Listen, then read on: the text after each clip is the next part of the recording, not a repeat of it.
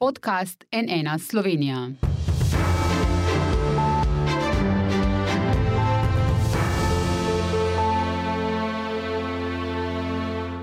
Dobr dan, to je NN studio. Slovenijo je šokiral izredni dogodek v celski bolnišnici, kjer je prišlo do zamenjave identitet dveh pacijentov.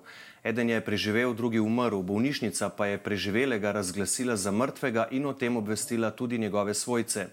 Preden je bila zamenjava razkrita, je bil že opravljen pokop.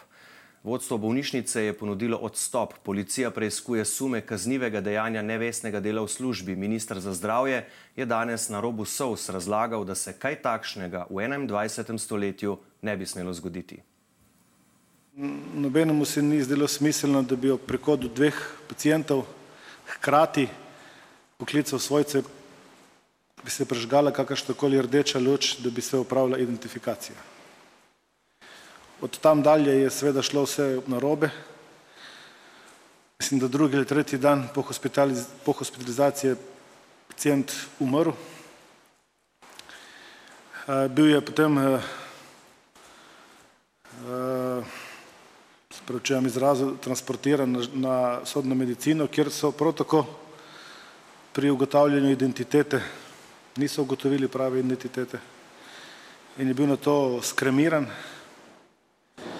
Šele po prihodu včeraj popovdne drugega pacijenta v dom je bilo ugotovljeno, da so reševalci pripeljali napačnega pacijenta.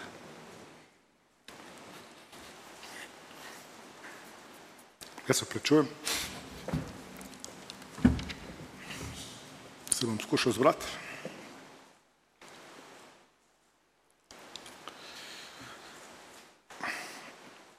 Kot minister, kot podpredsednik vlade,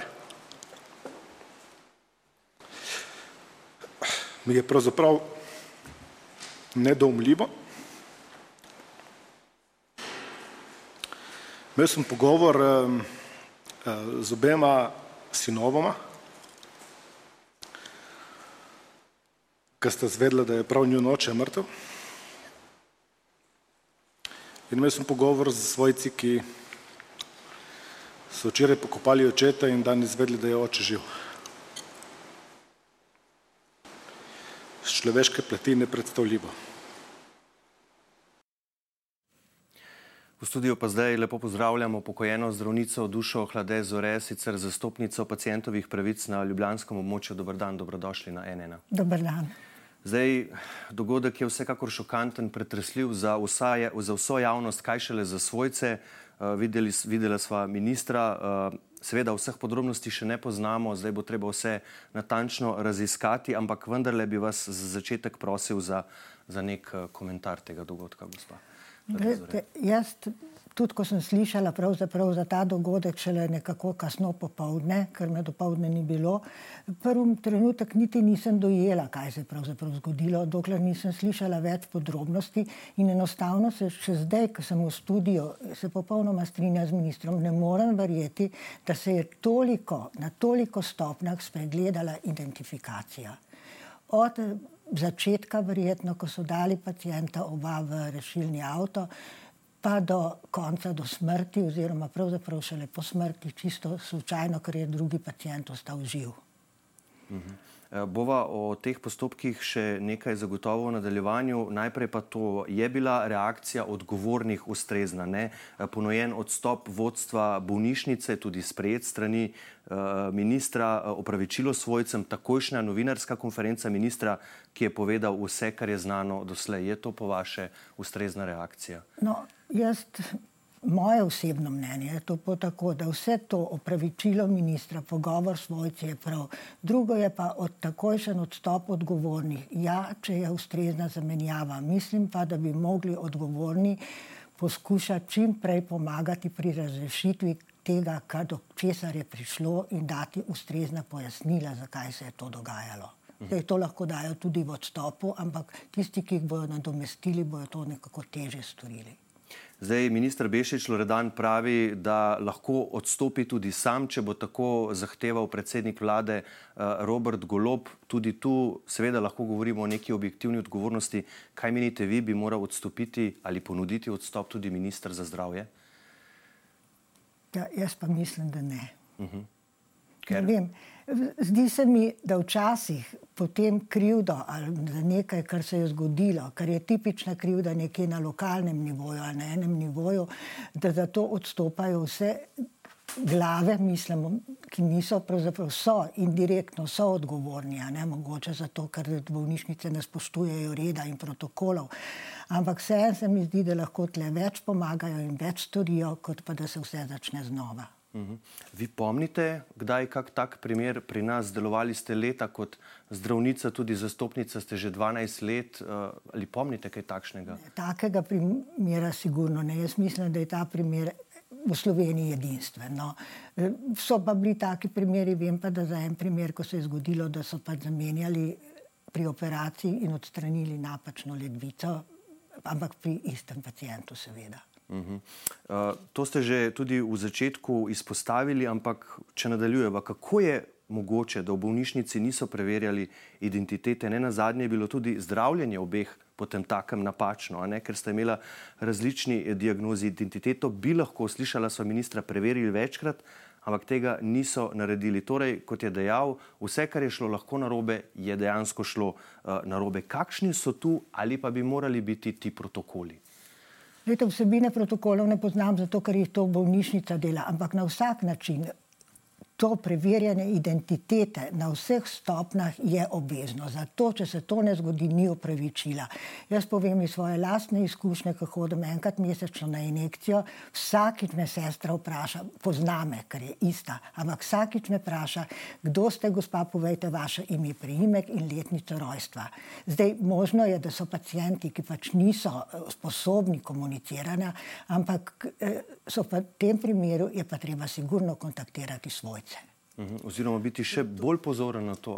Biti bolj pozoren na to. Protokoli, pa, kot vem, kot sem se pozanimala, so zelo natančni. In zdaj, a veste, samo protokol, če je protokol na papirju, potem to ne pomaga veliko, je mhm. formi zadovoščeno. Protokol zgodi se, da pride do takih napak, zato ker so bodi si površni, bodi si protokolov ne poznajo, bodi si pa da jih ne upoštevajo. Uh mhm. -huh. Zato da gre hitreje.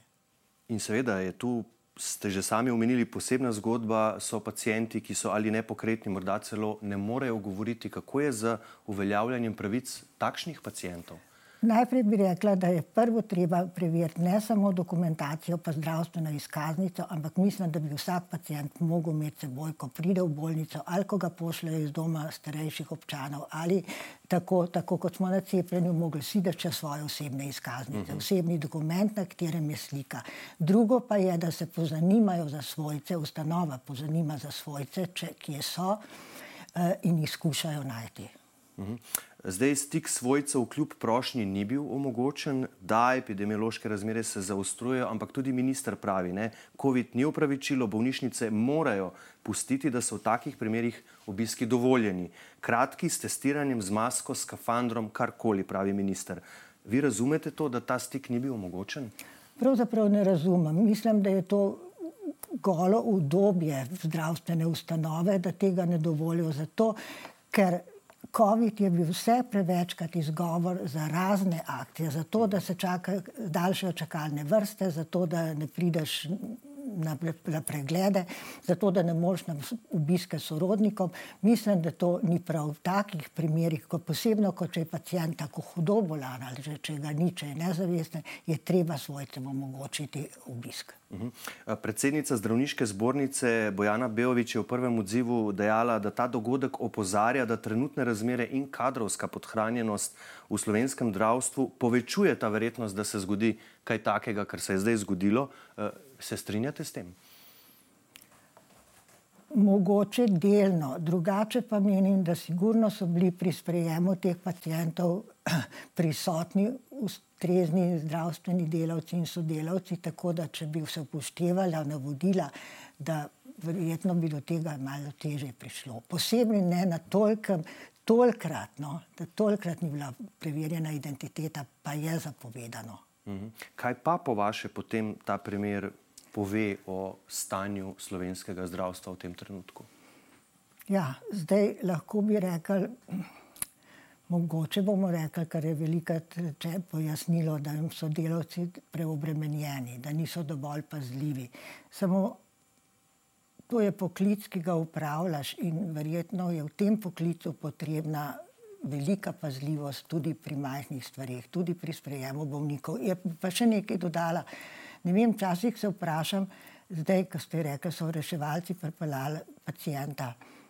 Ne vem, a sta bila skupaj prepeljana ali vsak. Da, skupaj sta bila prepeljana. To se pravi, iz, da je čista možnost, da pride to do zamenjave. Se tudi vprašam, zakaj sta bila prepeljana skupaj da to to. Tako da začetek tega je po moje že čist na samem začetku. Uh -huh. uh, zdaj seveda bodo stekle preiskave strani policije, strokovni nadzori in tako naprej, ampak po vaše, katera so tista ključna vprašanja, na katera bo zdaj vse treba odgovoriti, ko se bo ugotavljalo, kaj se je to zgodilo? Po moje bo je prvo in najvažnejše vprašanje na vsaki stopni, zakaj ni bila ugotovljena identiteta pri sprejemu, zakaj recimo niso preverili, zakaj niso to preverili pri svojcih, če pri pacijentu, ki ni bil odzivan, in zakaj ni bi bila pre, pregledana, mislim, ugotovljena identiteta na kasnejši fazi? In konc koncev in na vseh ostalih bazah, tako kot ste že vi omenili, lahko so pacijenta zdravili celo na robe in mogoče je to tudi kaj vplivalo na njihovo zdravstveno, zdravstveno stanje. In zakaj tudi sodna medicina ni pozorno ugotavljala identitete. Verjetno so še drugi razen osebnih podatkov. Mhm. Ampak to bodo vedeli tisti, ki to delo upravljajo, ker moramo tudi razumeti, da lahko je govoriti tako od zunaj in kritizirati to delo. Verjetno je pa treba reči več pozornosti posvetiti samim sistemskim rešitvam. Ja, zagotovo te odgovore pričakuje vsa javnost, ampak tu se mi morda vendarle zdi ključno, da te odgovore dobijo predvsem svojci. Tako je ta prvo, zato ker svojci so tisti, ki so pomembni. Svojci so tisti, ki so trenutno najbolj prizadeti. Dobri, eni so mogoče stre, srečni, pa so doživeli samo šok, ko se oče pojavil na zdrav, ampak živ. Ampak dejansko je pa to, to svojci resnično zaslužijo vsa, vsa pojasnila. Dobro, eh, najlepša hvala za vaš prihod v ta studio in za vse odgovore. Najlepša hvala, dr. Hvala tudi vam. Hvala. Hvala pa tudi vam za vašo pozornost. Seveda vse informacije, ki še vedno prihajajo v zvezi s tem primerom iz celske bolnišnice, sproti objavljamo na naši spletni strani nnainfo.si, zato nas spremljajte še naprej iz studija, pa le še lepo zdrav in nasvidenje. thank you